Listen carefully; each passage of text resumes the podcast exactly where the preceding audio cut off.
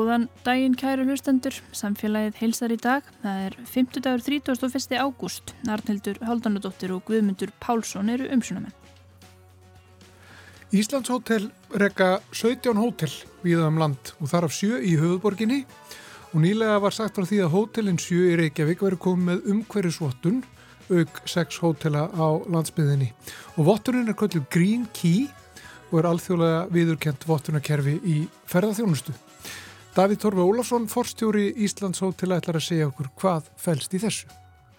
Og við kynum okkur Úgrænu verkefni Háskóla Íslands en fjöldi fólks kemur að því að fjalla um Úgrænu frá ýmsum hliðum og halda viðburði. Og svo er að sveppinir, nú runnin, runnin upp tími matsveppa og fleiri tegundarsveppum reyndar, við ætlum ekki að tala um þá, heldur bara matsveppi og nú er rétti tími til að fylla körfur og, og fötur af sveppum og sapna forða til vetararins. Guðriður Gíða Ejjólfsdóttir sveppafræðingur gefur góður áðum sveppatýnslu fyrir byrjendur hér á eftir. En fyrst eru það umhverjusvottanir í hótelgeranum.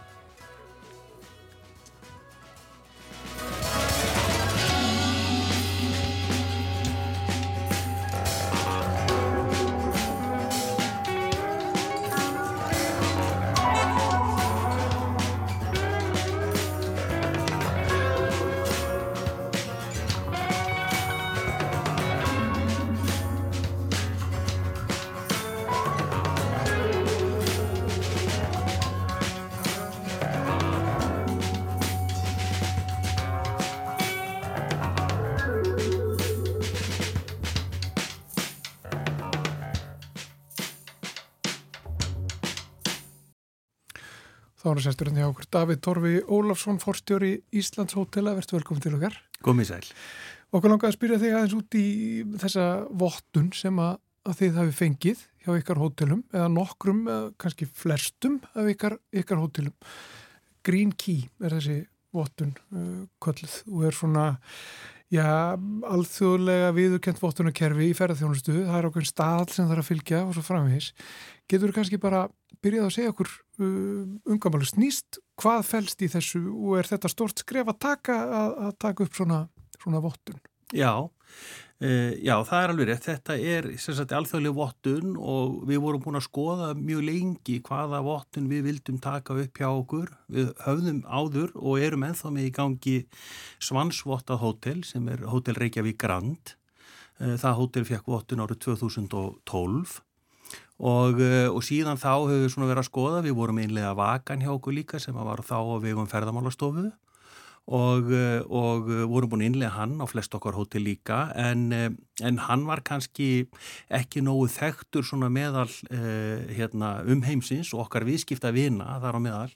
Þannig að við svona fórum í djúpa vinnu að finna hvaða vottun væri best í þessu og, og það bara er þannig að, að Green Key eða græni líkillin hann er án efa bara öflugast af vottun sem við getum fengið fyrir hótel og gístiheimili og langstæst og lang í raun og veru þekktasti þekktasta vottunin Og, og snýst engungu um það eða hvað? Eða sko það er, það er ferðarþjónusta engungu sem að notværi sér þann umhverju staðalega hvað? Já, rétt og, og svona til að gefa ykkur hugmyndum hversu stór þessi vottun er að þá bara árið 21 þá voru þetta sko 3200 staðir sem að tóku þessa vottun í sko 65 löndum út um allan heim sko. Þannig að þetta er, þetta er mjög stórt og mjög þægt og, og, og uh, sem betur fer að þá, þá er kom þetta hinga til lands og það er þannig að, að vottunarstofan Tún hefur haldið utanum þetta hún sér líka um lífaræna vottun hjá okkur og hótelunum líka og, og, og við vitum að það eru fleiri hótelaðilar að innlega þetta hjá sér sem bara hefur bestamál. Mm -hmm. Þú nefndir svansvottun uh, á einu hóteli. Um, er það öðruvísi en, en þessi vottun? Já, hún er aðeins öðruvísi. Uh, raun og veru kannski ganga er óða mikið út á mjög svipaða hluti en svansvottunin er mjög þekkt hérna á Norðurlandunum en á meðan að hún er kannski lítið þekkt annar staðar í heiminum á meðan að Green Key er miklu miklu þekktar í vottun þannig að það er ástæðan fyrir við völdum að fara þálið mm. En teku til sömu hluta eða hvað? Er, er hún jafn nýtaleg? Já, já, já, algjörlega og, og ég man bara þegar að við, að því að það er nú langt síðan, að meirinn tíu ár síðan að við tókum þessa svansvottun á Grand Hotel að e, þá fannst okkur fyrstum sinn þetta að vera mjög skríti. Bæði var auðvitað flokkunin mjög mikil, flokkun á sorpi sem var svona þá eiginlega aðalatriðið og, eh, og þá var sko óflokka sorp bara frá þessu einu hótilu voru sko 65% af öllu sorpi sem fjall til hjá okkur en er svo í dag orðið sko innan við 25% sko þannig að þetta var algjörlega breyst þetta þetta Eh, síðan voru svona alls konar umbúður og fleira sem við verðum að taka það var ekki lengur hægt að panta sér kaffi og fá mólasíkurinn í brefi heldur það mátti mólasíkurinn bara ofin í skálinni sko. þannig að alls konar svona hlutir eh, en svona kannski stóru málinn í þessu og, og að því að spyrja bara í hverju fælst þetta að þá, þá er það í raun og veru margþægt, þetta eru sko uh, eh, 13 flokkar af atriðum sem það þarf að gera og alls er þetta 100 viðmið sem eru mæ mælt alltaf núna á hverju einasta ári hjá okkur. Og það er svona allt frá því að mæla vassnótkun hjá okkur. Uh, þá erum við að tala um að, að lítrafjöldi í sturtum má ekki fara yfir nýju lítra á mínútu Við Íslendingar, við erum mik að nota miklu meira vatn og, og, og, og fyrir okkur þá var svona fyrst fannst okkar hefðið nýju lítar, þetta er alltaf lítið, þetta verður hálf eitthvað eh, ræfirsleg sturta, út kannski með glæsila stóran sturtuhaus en bunan lítil og þetta er eitthvað sem leggst ill í okkur Íslendingana. En, en það er nú bara þannig að, að það er sett í þetta svona ákveðin vendill og það kemur mikið loft með þessu þannig að bunan verður ekkert kraft minni en lítrafjöldin er, er sagt, undir, undir þessum viðmiðuna mörgum og uh, þetta þurft að gera nú á sumum hótelum hjá okkur út á landi. Þar voru, var, voru einhver mælar á kaldavatninu til dæmis. Þannig að við verðum að setja það að því að það, þú þarfst að geta mælt alla nótkun hjá okkur. Það þarf alltaf að vera mælanlegt. Uh, stjórn á matarsóun. Þú veist, þú ert með morgun verið að hlaðborða hótelunum og, og við þekkjum þetta öll þetta er allt svo gyrnilegt og við hrúum á diskin og svo erum við voruð bara sött eða við erum bara hálfan diskin eftir sko. þannig að við erum að í alls konar aðgerðum þar að spórna við því. Uh, og, uh, og svo að sjálfsögðu það sem er stort aðrið í þessu líka er það að við auðvitað notum bara umhverfisvottar vörur í okkar starfsemi og það er bara allt frá hreinsefnum og öðru slíku og líka eh, hérna, eh, framleiðendur á, á eh, hérna, feskvöru og líka þurfuru og fleira að þeir séu með eh, tilskildar vottanir. Mm -hmm. Eru við þá að hugsa um svanin eða Evrópublómi eða þess áttar vottanir? Já, bæði og. Þetta er allt sem að fellur inn í þennan, þennan, þessa, þessa vottun. En er þá að þú nefnir hérna sko ventilin í sturtunni og svo er morgunverðarlaðborðið og allt þetta, snýst þetta þá um líka að hafa áhrif á hegðun gerstana mæti? Já, já, að sjálfsögðu og geri það eins og við erum að reyna að spórna við því að, að hjá okkur á hótelum er sko, heyrðu, fáður endilega borðaðu allt sem er hérna en kontu bara fleirin eina ferð sko, fáðu bara á diskin þar sem þú telur ekki borða. Þannig eru verið inn á áhrif og, og, og í raun og veru líka bara með einu öllum herbyggjunum hjá okkur eru bara flokkunar tunnur þannig að gesturinn sér það alveg að hér fara flöskur og hér fyrir pappi og hér fyrir síðan blandarusl og, og þetta eru öllum hótelgöngum og allstar þannig að við erum alltaf að reyna á áhrif á í raun og veru gestin, ekki spurning. Hvernig mælist þetta fyrir? Vantalega eru hótelgestir mismunandi og, og leggja mismikið upp úr svona vottun sumir kannski bara haka við þetta þegar velja sér hótel á bókunarsíðu og krefjast þess að sé vottun og meðan öðrum er alveg sama. Hvernig, hvernig taka þeir þessu? Sko gegnum gangandi þá er einhvern veginn almenn og bara fólk í öllum heiminu svona orði mjög meðvitað um þetta. Þannig að fólk er að taka þessu mjög vel.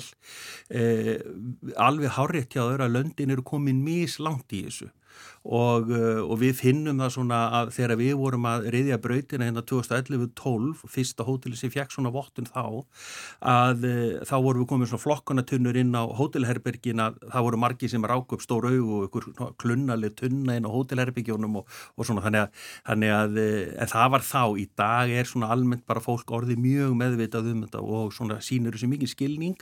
Og meiri sé að þannig að, að því að þú færð ákveðna flokkun inn á sölu síðunum það sem að þér eru verið gefin engun í sjálfbærni og þar eru við með hæstu engun eins og inn á booking.com og öðrum síðum. Að það er frekar þannig að, að fólk er að velja þessa skististadi hérna, og sérstaklega svona er alltaf að vera meira og meira yngri kynnslóðin og annars lít sem að kemur sterkar inn í þessum efnum.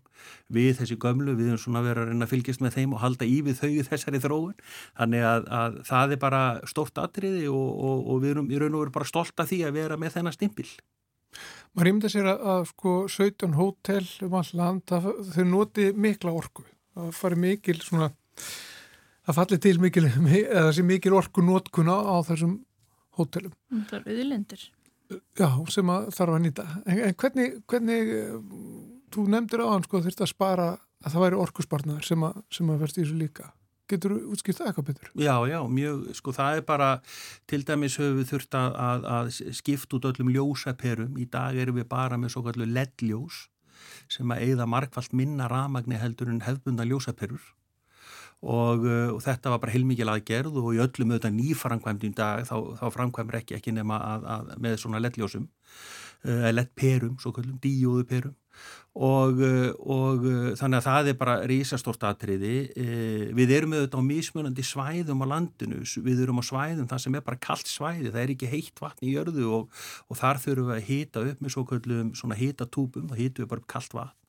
Og, og það er orgu frekt Að, að, að, og það er eitthvað sem að e, við erum búin að vera að skoða alls konar möguleika þar, það eru náttúrulega varmaskipti og fleira sem er, er komið og, og menn eru núna innlega hjá sér alveg heilmikið. En, en við erum bara auðvitað þarna að með þessi hótel og þau eru stór og það er fullt af fólki og það er mikið vatn og það er mikið ramak sem þarf að ísa staði, það er alveg rétt. En sem betur fyrir erðan úr þannig að orka á Íslandi og þess vegna hefur Ísland fengið svolítið svona sér flokkun þarna hjá Green Key að það er þannig að orkan á Íslandi er auðvitað, já, og ég segja langstæstum hluta grænorka já. sem er mjög jákvægt. Og það, þannig að þið tikið bara sjálfkrafið það bóks eða hvað? Já, svona meir og minna. Mm. En núna vitum það að ferðarþjónustan er kannski ekki umhverjusvænstu yðnaðurinn. Það eru náttúrulega mikið flóið og það eru bílalegur og rútur og allt þetta. Uh, mikið um, um, fólk sé á ferðinni að fara mellir staða og, og svo framvegis. Uh, og svo er þetta sko, ég meina, gisti bransin er náttúrulega orgufregur, það fellur til mikið rusl, það er það er svona alltaf svona sóun í gangi, ég menna það er, það er mikið, mikið borðað og mikið drukkið og, og svo framvegs. Kvíl er mikið skilda á ferðarþjónundu fyrirtækjum að leita leiða til þess að einhvern veginn spórna gegn þessu svona, ef að segja, djúpa umhverju spóri sem að þessi yðnar skilur eftir sig? Já, ég myndi segja það alveg klárlega og þess vegna er svo mikilvægt að fyrirtæki í e, þessari grein stýi þessi skref og, uh, og við höfum bara í raun og veru haft þetta svona leiðarljós í okkar starf sem er núna bara alveg í mörg ár. Uh, laung áður en við innleitum svansvottun á Grand Hotel að þá, hérna, þá uh, höfum við haft þetta svona sem ákveði stefi okkar starf sem að við ætlum að vera mjög framalega ef ekki fremst í umhverjusvernd og sjálfbærni. Eh, annað sem ég get líka nefnt sem er, er, er líka mikilvægt að í flest öllum okkar nýframkvæmdum í dag að þá, þá eru hvert hús jarðtengt. Eh, það er sem sagt tengt með þykum koparstreng sem að fer langt nýri jörðu til þess að rá, lámarka alla rafsegulsmengun og þetta var eh, svona framsýni svona aðaleganda félagsins á sínu tíma sem að, sem að kom þessu í gegn af því að hann hafði þá trú að svona rafsegulsmengun hafi miklu víttakari áhrif heldur en við kannski vorum að gera okkur grein fyrir og þannig að það þar að leiðandi hefur við svona verið bara mjög framalega í þessu og, og nú heyrum við það að það eru fleiri sem eru komnir í þetta líka og fleiri sem eru núna að innlega græna líkilinn sem er mjög gott mál og við þurfum að gera því að við byggjumst á samgöngum, við erum eiga og fólk kemur hingað í 90% tilvika fljúandi og svo hinn með skipum, þannig að við þurfum að gera allt sem við mögulega getum til þess að sportna við í raun og veru, já, bara þróunni. Og að þú nefndir nýframkvæmdir, eru þið þá eitthvað að, að hugsa um vottanir þá á byggingarnar eins og hefur verið talað um til dæmis svans eða brímvottun á, á þær, vottaða steipu? Já, við erum til dæmis með sagt, uh, tvö hótel hjá okkur, annars vegar Fosshótel Jökushólón sem er í Öravæsveitinni og opnaði 2016 það, og svo uh, Fosshótel Mýva í Mývasveitinni, bæði þessi hótel eru byggður svo kvöldu límtrés einingum sem eru svansvottaðar þannig að við erum, við erum að huga mjög öfluga að þessu og, og og nú erum við í stóru máli, við erum að stekka hérna Hótel Reykjavík Grand og við erum að byggja hérna inn á Blómavæslóðin í Íbúðir líka sem eru, eru að fara í sölu.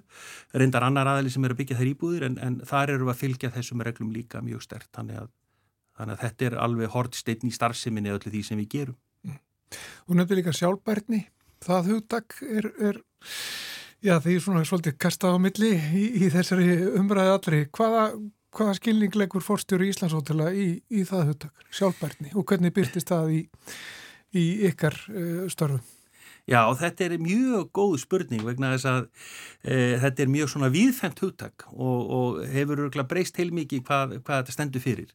E, við allavega lítum þannig á þetta að e, þetta sé hluti af e, í raun og veru UFS málunum sem eru umhverfis, félagsleg og svona samfélagsleg málefni sem að flokk, falla þarna undir og e, við erum til okkar sjálfbærni fulltrúa núna í, í, í hérna til okkar fyrir, e, já, tæpa ári síðan.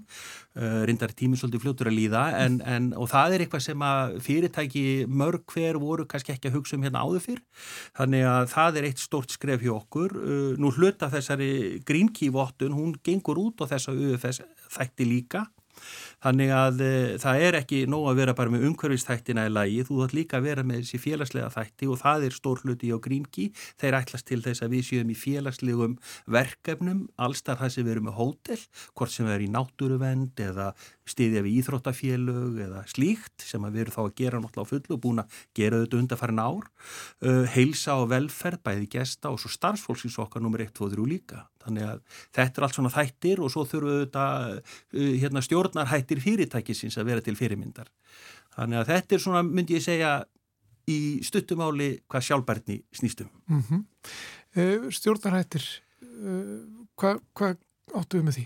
Hva? Þannig bara að, að, að í raun og veru fyrirtæki sér ekið bara eftir svona fyrirmyndar stjórnarháttum að eh, gætt sé hérna armslengda og öðru slíku og það sé hérna hlutleysi í ákvarðanatökum og, og, eh, og auðvitað eru að fylgja öllum stöðlum hvað var það eh, reksturinn, uppgjörsmál og bókald og annað slíkt sko þannig að þetta eru svona þessi þættir. Mm. Og aðbúnaðar starfsfólks? Já, klárlega skiptir miklu málu. Það er bara okkar aðalatrið og okkar áherslupunktur á þessu ári hefur verið að styrkja og stýðja við starfsfólki okkar og uh, að því að það er ekki nóg með að fólki er að vinna saman sumstar, heldur það býr líka saman þar sem að við erum út á landi og það er mjög mikilvægt að vel tiltakist að, að hafa aðbúnaðin góðan þannig að fólki okkar líði vel í vinnunni ef að fólkinu líður ekki vel þá uh, er erfitt að fara fram á það, það veiti framhúsgarnandi þjónustu til okkar gesta. Mm. Þannig að þetta byrjar allt hjá starfsfólkinu. Það byrjar hjá okkur og svo starfsfólkinu. Já, mm. en svona, svona í lokin uh, það eru komin þarna hvað? 11 hótel er það ekki af... Nei, það eru komin af, 13 hótel 13 af 17. Af 17, já. já og, og framhaldið og markmiðið er að öll hótelverði fái óttun eða hvað? Já, það er bara klárast, við gerum ráð fyrir að klára það núna í september. Já. Það klárast á.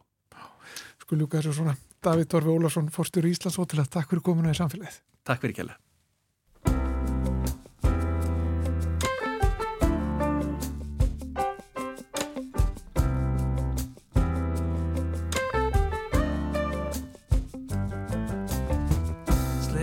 kjalla. day to day, nothing on my mind, I was in decay. Every road was a cul-de-sac, couldn't find my way back. I could never do it on my own, then you came along and you put me right. Take my hand and we'll get out of here, driving to the night. I was living in the haze, couldn't feel my face. Lost all track of time and space, felt like I was sleepwalking. Nothing can go wrong if you're here tonight. And if you plan on staying long, we can sit and watch the sunrise. Early on, I almost broke it off, went back to my cynical ways. Those days without the sight of you left me with malaise. Will never cross my mind. Promise that I won't make the same mistake. Same mistake. I swear that's the honest truth, cause I know the stakes. Couldn't keep my head above the waterline. Lost all track of space and time, felt like I was sleepwalking. Friends will come and go, there'll be highs and lows. In the end, I hope you know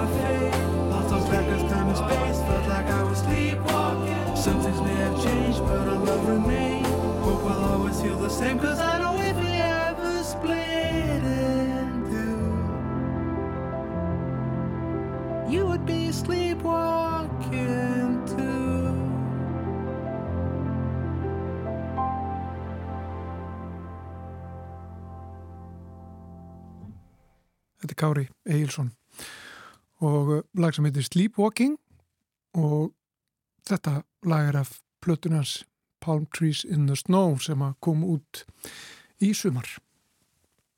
Þau eru komin hingað Helga Brekkan, starfsmæður Úkrænu verkefnisins og kvikmyndagerðarkona og Valur Gunnarsson, rítöfundur, bladamaður og sagfræðingur og þið eru hér til að ræða Úkrænu verkefni Háskóla Íslands.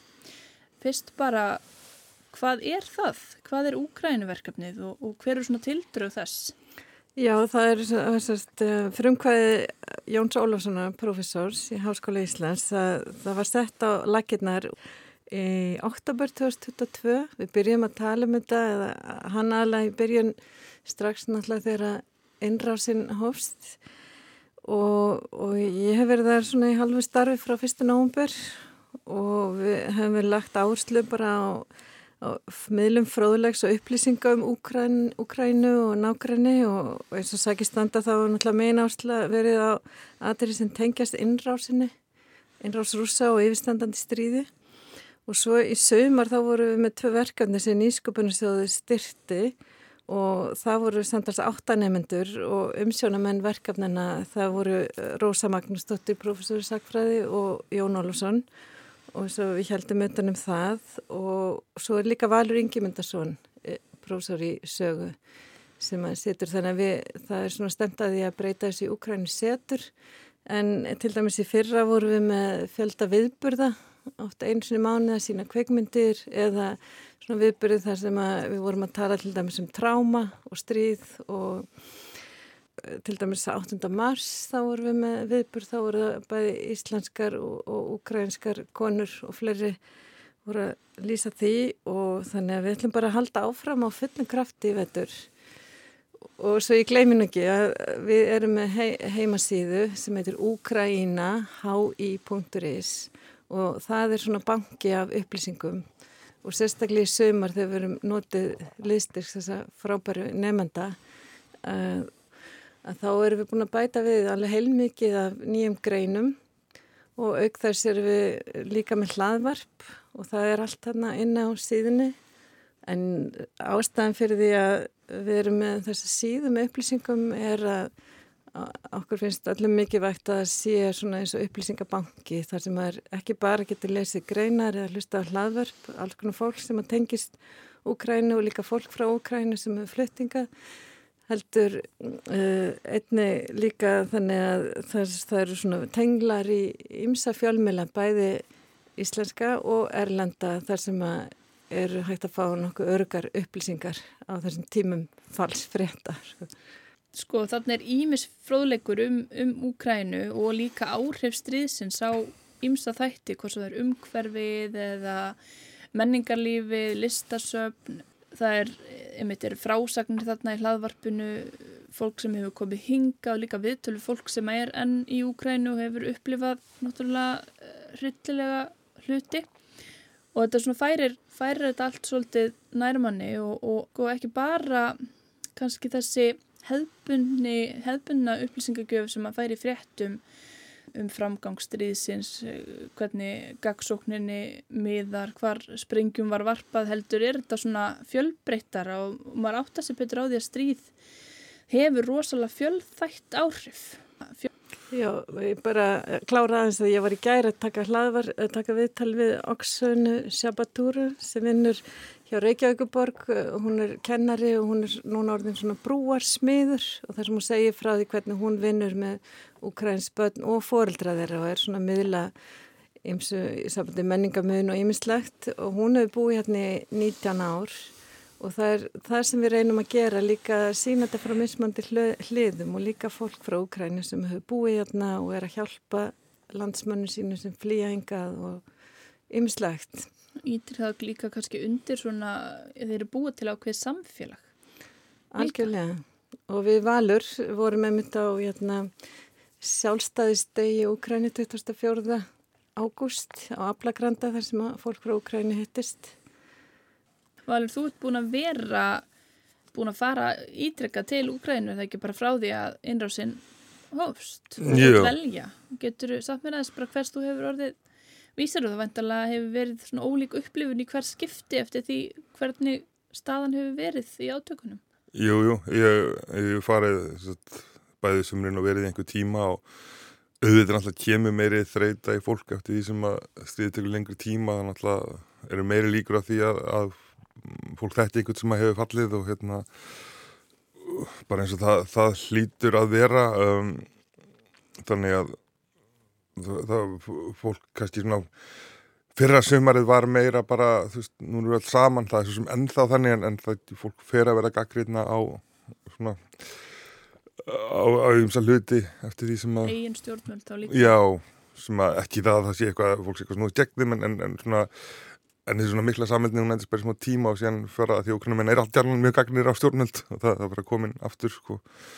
En uh, eins og sæðir þá náttúrulega er, hefur stríð áhrif á bara eiginlega bókstala allt og hérna og, þó að jafnvel, sérstaklega í kýf þá eru svona ytri áhrif stríðsins kannski ekki svo rosalega. Jú það er reglulega loftur þessara kvöldin en það er allt skotið nýra og kemst til ekkert í gegn en uh, síðan hefur þetta bara óbúslega áhrif á á, á huga fólks og, og á menninguna og hvernig hérna já það er sko í, til dæmis í þá er 40% af, af heimspókmentum sem hafa kent að verið rúsneskar en núna ætla að verið að, að minka það og, og í staðin færin bókmentir frá öllum heiminum sem er mörguleiti skiljanlegt en, en samt sem er alltaf pinnilega sorglegt að verða svona taka út svona rúsnesku meistarana hérna, heilu bókabrennurna bara og... Ég segi ekki bókabrennur en, en það er, en, en jú það náttúrulega er um, Ég manna þegar að kveikur fór til Úgræðinu í vor þá var talað við, við mann sem að ætlaði sér að endurvinna rúsneska heimsbókmyndir og búa til salarnispappir úr þeim. Já, það er nú alltaf betra að endurvinna fyrst með heldur en að brenna af svona kólumsjöfnuð Það eru vissulega sko að, að, að ef, ef að rökin fyrir því að rússar er að ráða fyrir úkrænumennum er þetta sem einhver liti saman menningin þá er úkrænumennum benda á að það er ekki og er þá frekar að, íta út rúsneskum hlutum sem að ég held að einhver liti tímabundið, einhver tíman eftir stríð þá mun koma inn aftur sko, hérna, þá munum menn aftur geta fara að geta að lesa rúsneska bókmyndir en, en Er samstað um þetta í Úkrænu og þetta líka þá eh, að útrýma rúsneskunni sem samskiptamáli og tala einungis úkrænsku? Það er kannski þessi fullkomin samstæðum, það er ekki mikið landuð en það er bara mjög merkjöld hvað með tungumálu hefur gerst organist sko. það er svona tjón sem hafa talað rúsinsku alla tíð, bara skiptur í ukrainsku og það er svo mörg dæmið um þetta að þetta er umverulega ekki svo, svo mikið yfirvöld sem eru að skipa fólki fyrir en það væri það ógjærlegt að þegar svo margir sem tala rúsneska móðmáli heldur bara að fólk bara voru að leggja sem áherslu á ukrainsku og það byrjaði reyndar alveg strax 2014 að úlingar leggja áherslu á að tala hreina og fallega ukrainsku, svolítið eins og Jónas Hallgrímsson eða eitthvað fyrir 200 árum síðan sko þegar Ólingarnir eru fann að vera mál, málreinsunar menn sko. Já, svolítið sérstak, sérstök staða. Eitthvað sem held ég að gerist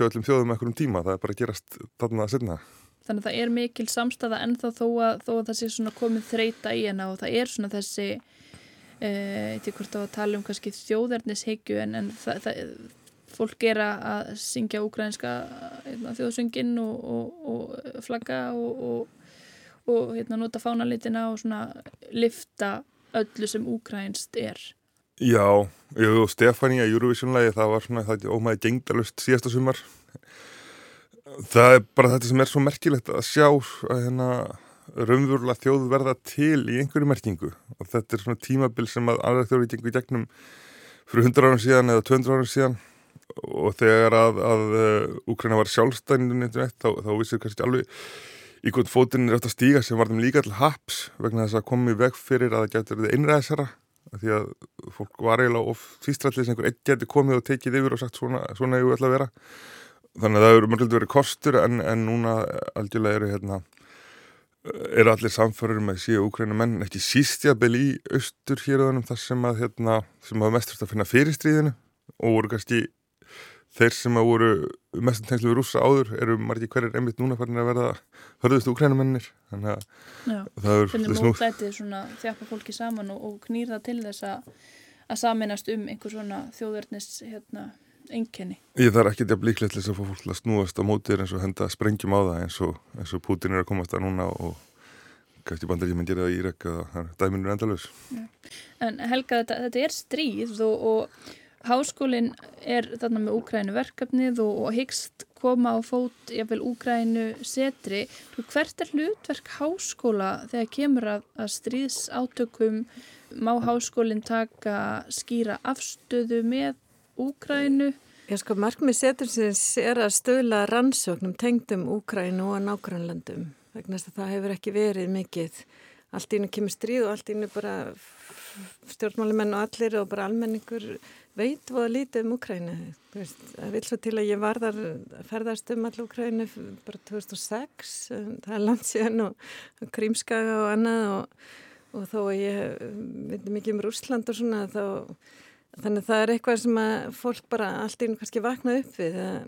Ég er til dæmis búið bæði Svíþjóð og Þýskalandi og við segjum bara til dæmis í síþjóður hérna utríkispolítiska institutet þar sem að vinna fjöldi fræði manna og allir eru með mismandi svæði og maður getur fengið svo mikið upplýsingum en það hefur svona skort hér aðlum ástæðum, þetta er svo lítið þannig að markmið er um þetta stöðla rannsóknum tengdum Ukrænu og síðan setna til dæmis Östur, Pólandi og Belarus og Lettlandi og Litáin og Rúslandi þannig að þetta er bara svona líka tækifæri bæði núna í, þessu stríðs ástandi að miðla upplýsingum til Íslendinga sem að það hefur verið mjög góð mæting ofta á, á viðburðina, oft mikið Íslendingar, þú veist, ef við erum að sína einhver ukrainska myndir eða segja frá og við viljum einmitt auglýsa það líka hér að hvetja fólk til að koma og þá verður þetta svona staður til að hittast bæði fyrir fólk frá Ukraínu og Íslandi.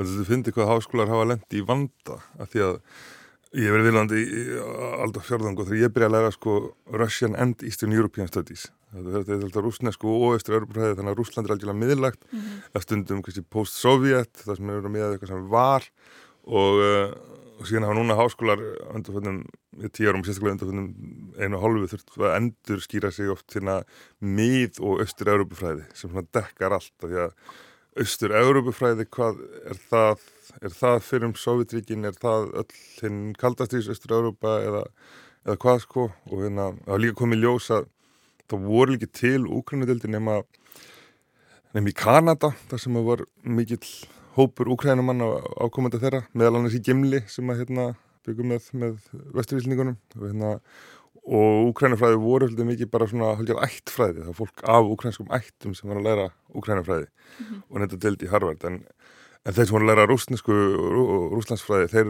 þeir komu alltaf að sko, svona, en, en núna hefur þetta verið að, að breytast mjög hratt og Rúslandi kannski minna miðlagt og, og það er meira farið að skoða svæðið í hild og einmitt, kannski það jákvæða allavega fyrir Ísland og, og kannski eru, eru, er það víðar í Evrópu sem að fólk vissi kannski ekki mikið um Úkrænu en eins og umilegt og stríðið er þá allavega veit fólk meira um þetta land og, og löndin í kring og kannski margi sem að vissu til dæmis ekki hversu mikil matarkista Úkræn er og hversu mikilvæg hún er fyrir matvæla örgi í, í heiminum eða vissi ekki að, að það væri komnar mjög áhugaverðar kvikmyndir eða bókmyndir eða bara allir, allir gróskunni sem er erðar sko. Já, bröðkarfa Evrópu Já. Já, við hefum verið líka með viðbyrðið þessu í fyrra vetur þá buðum við hérna þekktasta kvikmyndalegstjóra Úkrænu Sergi Losnitsa sem hefur gert bæði mikið af sagfræðilegum kvikmyndum gerði líka myndum hérna, landsbergis um frelsisbaratu litáa þannig að eins í vetur þá ætlum við að við erum ekki komið allan listan en við erum með, ætlum að bjóða fólki að koma og vera með fyrirlastra og, og eins til dæmis þegar eru bladamenn að vinna með bladamenn félaginu og annað. Og ég til dæmis gerði heimildamind um ukrainskan eh, bladamann sem að bjó í Moskvu. Hann er frá uh, Nærik Hersson og býr núna í Prag og hann, eh, getur vel verið hann komi og, og segja okkur frá og jæna, hérna, það var nefnilega, eru ofbærslega mikið af bladamennum frá Rúslandi sem bú í Prag og líka frá Ukrænu þannig að þau eru að styðja við hvort annað og reyna að okay. segja frá.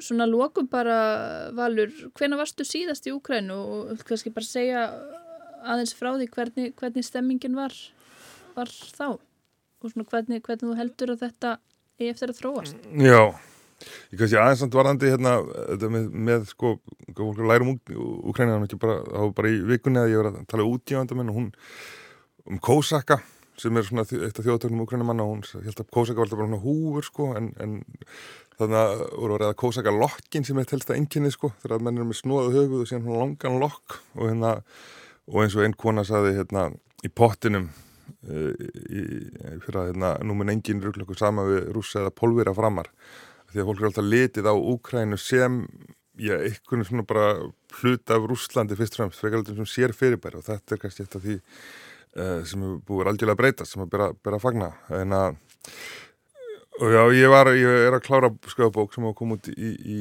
oktober sem heitir Stríðsbjarmar og sem að fjallar um þetta eina og halva ár í, í lífi þjóðar en líka undanfarin rúm þúsund og hvernig hérna, þetta allt sem hann uh, hvernig þjóð verður til og hérna já, hvernig ástandið er núna. Það er sko, Úkræna er náttúrulega alveg óbúsla stórt land sem að hérna Ástandið mismunandi eftir því alveg óbúslega sko, hérna til dæmis vestast í Karpati í fjöllum, þar er ekki eins og útgöngubann og núna því að sérstaklega því að kallmenn frá 1860 með ekki fyrir landi þá eru bara fjölskyldur að fara þangað í sumafrí að því að, hérna, að því það er alveg jafn auðvitað náttúrulega hvað sem er annað. Uh, og uh, stórborgunum það eru einstaklega loft ára sér en hérna, lífið heldur áfram sem vanagang útgöngubannu klukkan 12 og síðan fyrir austasti dombast þá er útgöngubannu klukkan 9 bara svona sem dæmi síðan sko, hérna hvað hérna og þar má ekki selja áfengi og, og þannig að það er allt í hers hendum en það er výlinan hérna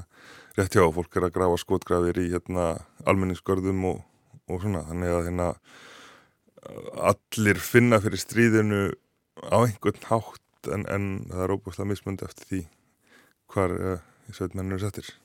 Já, bara ég má segja eins og það sem við viljum leggja áherslu á er bara mjög breiðan mikið af upplýsingum eins og um listir og um umhverfismálinn sem að, eh, við vorum líka með hlaðvarpum að því það er svo mikið af sprengjum og út um allt og allir þessi mengun og allt af stríðinu. En einmitt þetta að auka þekkingu um söguna eins og Valur er að gera á einmitt á þessum tímu þegar rúsar er að endurskrifa söguna og bara ótrúlegustu námsbækur að koma fyrir börn í skólum í Rúslandi um Já, ég var að sjá svona er í nýjastu námsbókunum frá því í ár þá er ekki lengur talað um kænugar sem móðir rúsneskra borga sem var eina Putin alltaf vilja leggja undir sig kænugar sem einhvern veginn partur útlæsuna það er búið að taka þetta út þannig að greinilega þá gera þær ekki ráð fyrir að kænugarður verði rúsneskur í bráð Ekki bráða, nei. Eh. Mér finnst svolítið áhugavert og ég veit ekki hvort það er bara ég en, en talandum Úkrænu og, og litla þekkingu fólks á, á Úkrænu fyrir þetta stríð um, voru sko miklir fordómar gagvart Úkrænu því ég hugsa bara um umræðinni kringum Eurovision og svona hvernig fólk frá Austur-Európu hefur oft verið smættað og gert grínaði jafnvel sko hefur ekki orðið bara viðsnúningur einhvern veginn alger í, í viðhorf okkar til Austur-Európu eftir að þetta stríð braust út. Ég held að til dæmis eh, ef við sjáum þetta stríð sko þegar Putin reðst inn í Georgíu 2008 þá er og verið hófst þetta og ef að evrópskir leiðtóðar og allir hefði brauðist almenlega við og sett honum mörg þá kannski hefði þetta ekki haldið svona áfram. Og svo 2014 þá ræst hann inn í Krímska og tekur Donbass eða þar hefst stríðið. Og þá bara eins og líka allir settu bara snús. Og svo bara rökkvalli við 2022 þegar 24. februar þegar innrásin hefst. Þannig að ég held að séu bara einhver staðar finni mjög margir uh, að þeir hefðu kannski átt að horfa meira í þessa átt að þetta er stórt land, stærsta landið í Evrópu og Evrópu búar eins og við. Þannig að ég held að sko þetta er bara allir rokkið upp sko. Og líka náttúrulega bara samúð þegar þú sér bara hvernig það verður að sprengja sprengja húsfólks og myrða og allt þetta ræðilega sem á sér stað. Já, ég held að það sem getur líka verið áhverð er sko jafnvel að við hættum að hugsa um austur-Evrópu sem að er í sjálfu sér kaldastis hugtak og svona landfræðilega meikar engan sens ef að löndi í algjörlega í mið-Evrópu eins og Tjekkland eru aldinn austur-Evrópa þannig að um, og, og, og í kaldastirinu þá hugsaum við alltaf um þetta sem bara eitt fyrirbæri og, en, en þetta náttúrulega eru ótal þjóðir með ótal mismunandi allir og menningar og sögur og hérna og ég held að það var bara mjög gott að, að við lærum að þekkja munin á þeim. Þekki munin á, á Belgi og Hollandi en, en ekki endilega á Tjekkland og Slovaki eða, hérna, eða Lettlandi og Litáin Já, ég bara hvet alltaf til þess að kíkja á þennan mjög svo fróðlega vef ukraina.hui.is og, og þakka ykkur Helga Brekkan og Valur Gunnarsson fyrir að spjalla við okkur í samfélaginu. Takk sem leiðis. Весняночка, весняночка, де ти зимувала, Йо садочко на клиночку, сорочечку пряла, Там у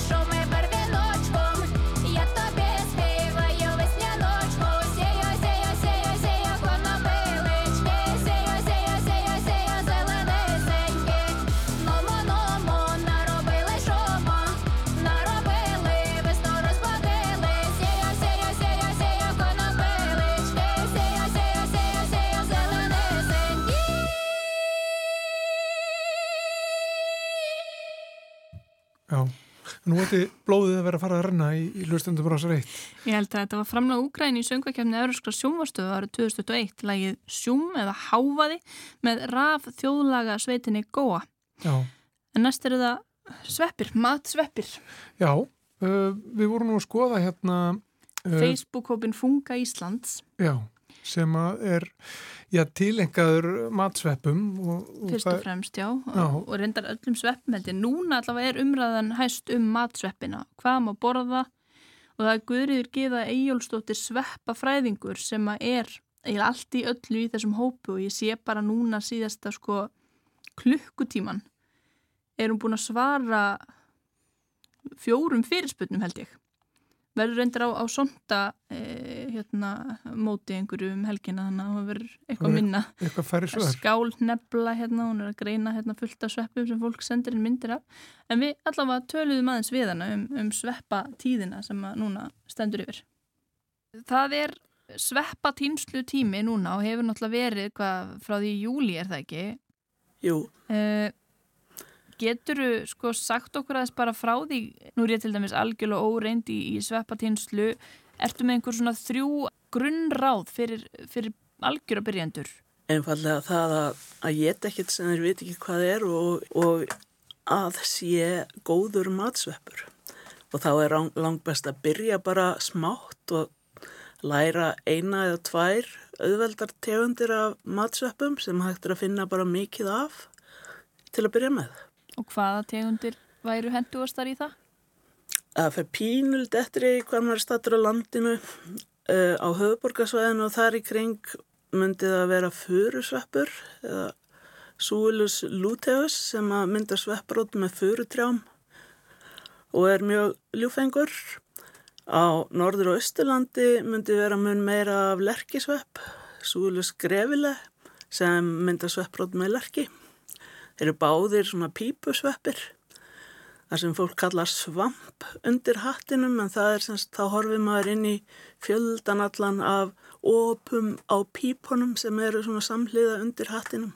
Það sem að börnin afkomendur sveppsins verða til inn í þessum pípum. Sveppa gróin. Já, Þú ert núna og hefur verið síðustu vikur mjög virk í Facebook-kópi sem að heitir Funga Íslands, sveppir ættir eður eigi og það svoleiðis sko hrannast inn fyrirsputendar og mér finnst einhvern veginn eins og þú sért nánast að svara þeim öllum. Hvað getur sagt okkur um bara sveppa samfélagið á, á Íslandi, það, þau sem að eru að týna sveppi? Það er að tala svolítið fjölbreyttur hópur alveg eins og fungan sjálf. jú, jú, maður verður að byrja náttúrulega einhver staðar þannig að það eru byrjandur sem að veit ekki neitt, fara út og týna einhvern svepp og koma og spyrja hvað þetta sé. Og þessi hópur er raunverulega stopnaður til að ég geti veitt þjóðinni ráð og kent þeim svolítið um fungu Íslands. Og það sem að mjög margir byrja á því að hafa áhuga á því að týna sveppi sér til matar, að þá verður maður náttúrulega byrja á því að svona, vera svolítið huggulegur við byrjandur, svo þau gefist ekki upp og hætti og segi bara ég vil aldrei sjá svepp aftur þetta kemur ekki inn fyrir mínar varir. Nei, nei, en sagt, þetta er mjög sko gott hráefni sem er hægt að nýta ef maður leggur sig eftir því. Og það eru bara margir sem að vilja fá þessa búbót. Og svo er þetta raunverulega já, ókeipis hráefni, maður getur týnt þetta á lendum skóraktarinnar sem að er þjóðaregn og það eina sem er farið fram á að maður skemm ekki náttúruna, trén og, og hérna gróðurinn. Sveppinir eru bara svona aldinn sem að koma upp af uh, líkama sveppsin sem er yfirleitt vel varin ofan í jörðinni. Þessir tveir þannig sem ég nefndi að þeir eru festir á rætunar og trjám, sínum hísiltrjám, vafðir utanum lífandi rótarenda og sjáum að býta. Sveppurinn gefur með vatn og næringarefni og fær í staðinn svona orkuefni, sem sagt glúkosa og svoleiðis sem að, sem að tríð hísilplantan nær með, með ljóstilífun. Þannig að þetta er bara góð skipti og þarna fer fullt af kólefni úr samsagt loftinu, gegnum tríð og niður í jörðina og til sveppsins sem notar það við sitt líf, í sínu lífi og svo verður alltaf eitthvað eftir honi í jörðinni. Þannig að þangað fer kólefnið og meðan, meðan engi skemmir jarðvegin að þá situr það þar svona í róliheitunum. Og er þá, uh, sko, hinn raunverulega, eða getur maður sagt að stærsti hlutin af sveppunum sjálfum sé þá neðjarðar og við sjáum, við sjáum aldrei í rauninni uh, þannig svona stóra hluta af sveppunum. Já, hérna með maður rífi upp rætur á trjánum til dæmis þessu, þá sér maður svona fælega að digra rótara enda sem eru kannski svolítið ljósari og geta hangið við þar einhverja lufsur af einhverju og það myndi þá vera svona þar sem sveppurinn er stattur í ytri parti rótana. Já. En svo er þetta með flókið er það ekki, það eru þræðir sem liggja um allt og þetta Tala við tengist trén og... og svo spjallaði saman trén og sveppinir og, og svo framvegis. Já, við, maður getur allavega verið viss um það að það tré sem er tengt þessum sínum sveppum að það allavega talar við þá sem skaffar hann orku og, og hugulegheit. Nefnitt. En sko, við erum búin að tala um aðeins byrjendurna. Eh, hvað um þá sem eru hvað lengst komnir í sveppatýnslu? Eru einhverju svona sveppir sem eru sérstaklega eftirsóttir eða þykja, þykja sjaldgæfur og mikið, svona, mikið happ að finna? Já, það eru svona eftirsóttir matsveppir sem að, sem að fólk vil helst finna eins og kongssvepp, Boletus edulis. Hann er nú til um svona víða veröld eins og það segja og þykir bara rosa góður matsveppur, sérstaklega þurkaður og það eru margir sem að reyna bara að sitja um þá þegar þeir koma upp og þeir vaksa svona í vissum stöðum, í vissum skóum og, og svo líka í náttúru Íslands svona út á, út á hérna svona snjóþungum útkjálkum til dæmis á vestjörðum og, og hérna í kringu Siglufjörðu og svona. Það er ekki lindarmál hvar, hvar það var held að finna. Sko maður getur alveg sagt, já, það er hann eitthvað staðar í kringu Siglufjörð, en hitt málið er að finna akkurat staðinn. En hérna, af því að ég er nú ekkit svo mikið að týna hérna kongsveppi sjálf, þá finnst mér allt í lagi að segja frá því sem ég veit, svona, sem er nú ekkit svo rosalega mikið, nema það að ég veit að þeir finnast í borgarfyrði mjög víða, eins og til dæmis mjög fín áningarstaður við þjóðveg 1 eh, þar sem hann fer gegnum borgarfjörð svona, ég held að sé við Svignaskarð, það er svona skóareitur sem er opinn skóur, bílastæði, flögg og svona, þar vex kongsveppur, mjög fínt að koma við ef maður er- á leið framhjá. En síðan eru bara mjög margir staðir í borgarfjörðunum sem er mikið af kongsvepp. Hvaða áhrif hefur, hefur veðurfar og, og, og kannski hítastig, úrkoma, þurkar og svo framvegis? Er, eru árin mjög misjöfn? Já, þetta er svona, þú veist, uh, sum ár þá hefur ekki komið, eins og hérna á Norðurlandi, valla nokkur matsveppur svona á þessum eðlilega tíma, svona í ágúst. Svo koma þær allir kannski að byrja að regna í byrjun september, það bara boing, það bara lerkisveppur út um allt alveg fullt af þeim, allir svona til að byrja með ungir og hressir, akkurat mjög fínt ráefni.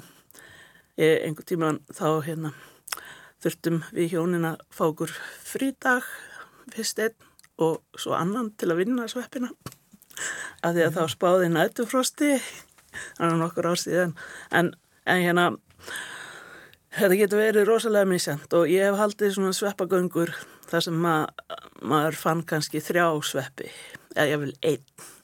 Og, og ég aðra slíka göngu kom ég með sko frosinn svepp að heiman frá fyrra ári svo við getum búið til smjörstektan lerkisvepp eh, rjómalagan og borin fram á bröðsneið eins og við gerum hérna í sveppagöngum skóráttafélags eifyrðinga sem að ég hef tekið þátt í í fjöldamörg ár.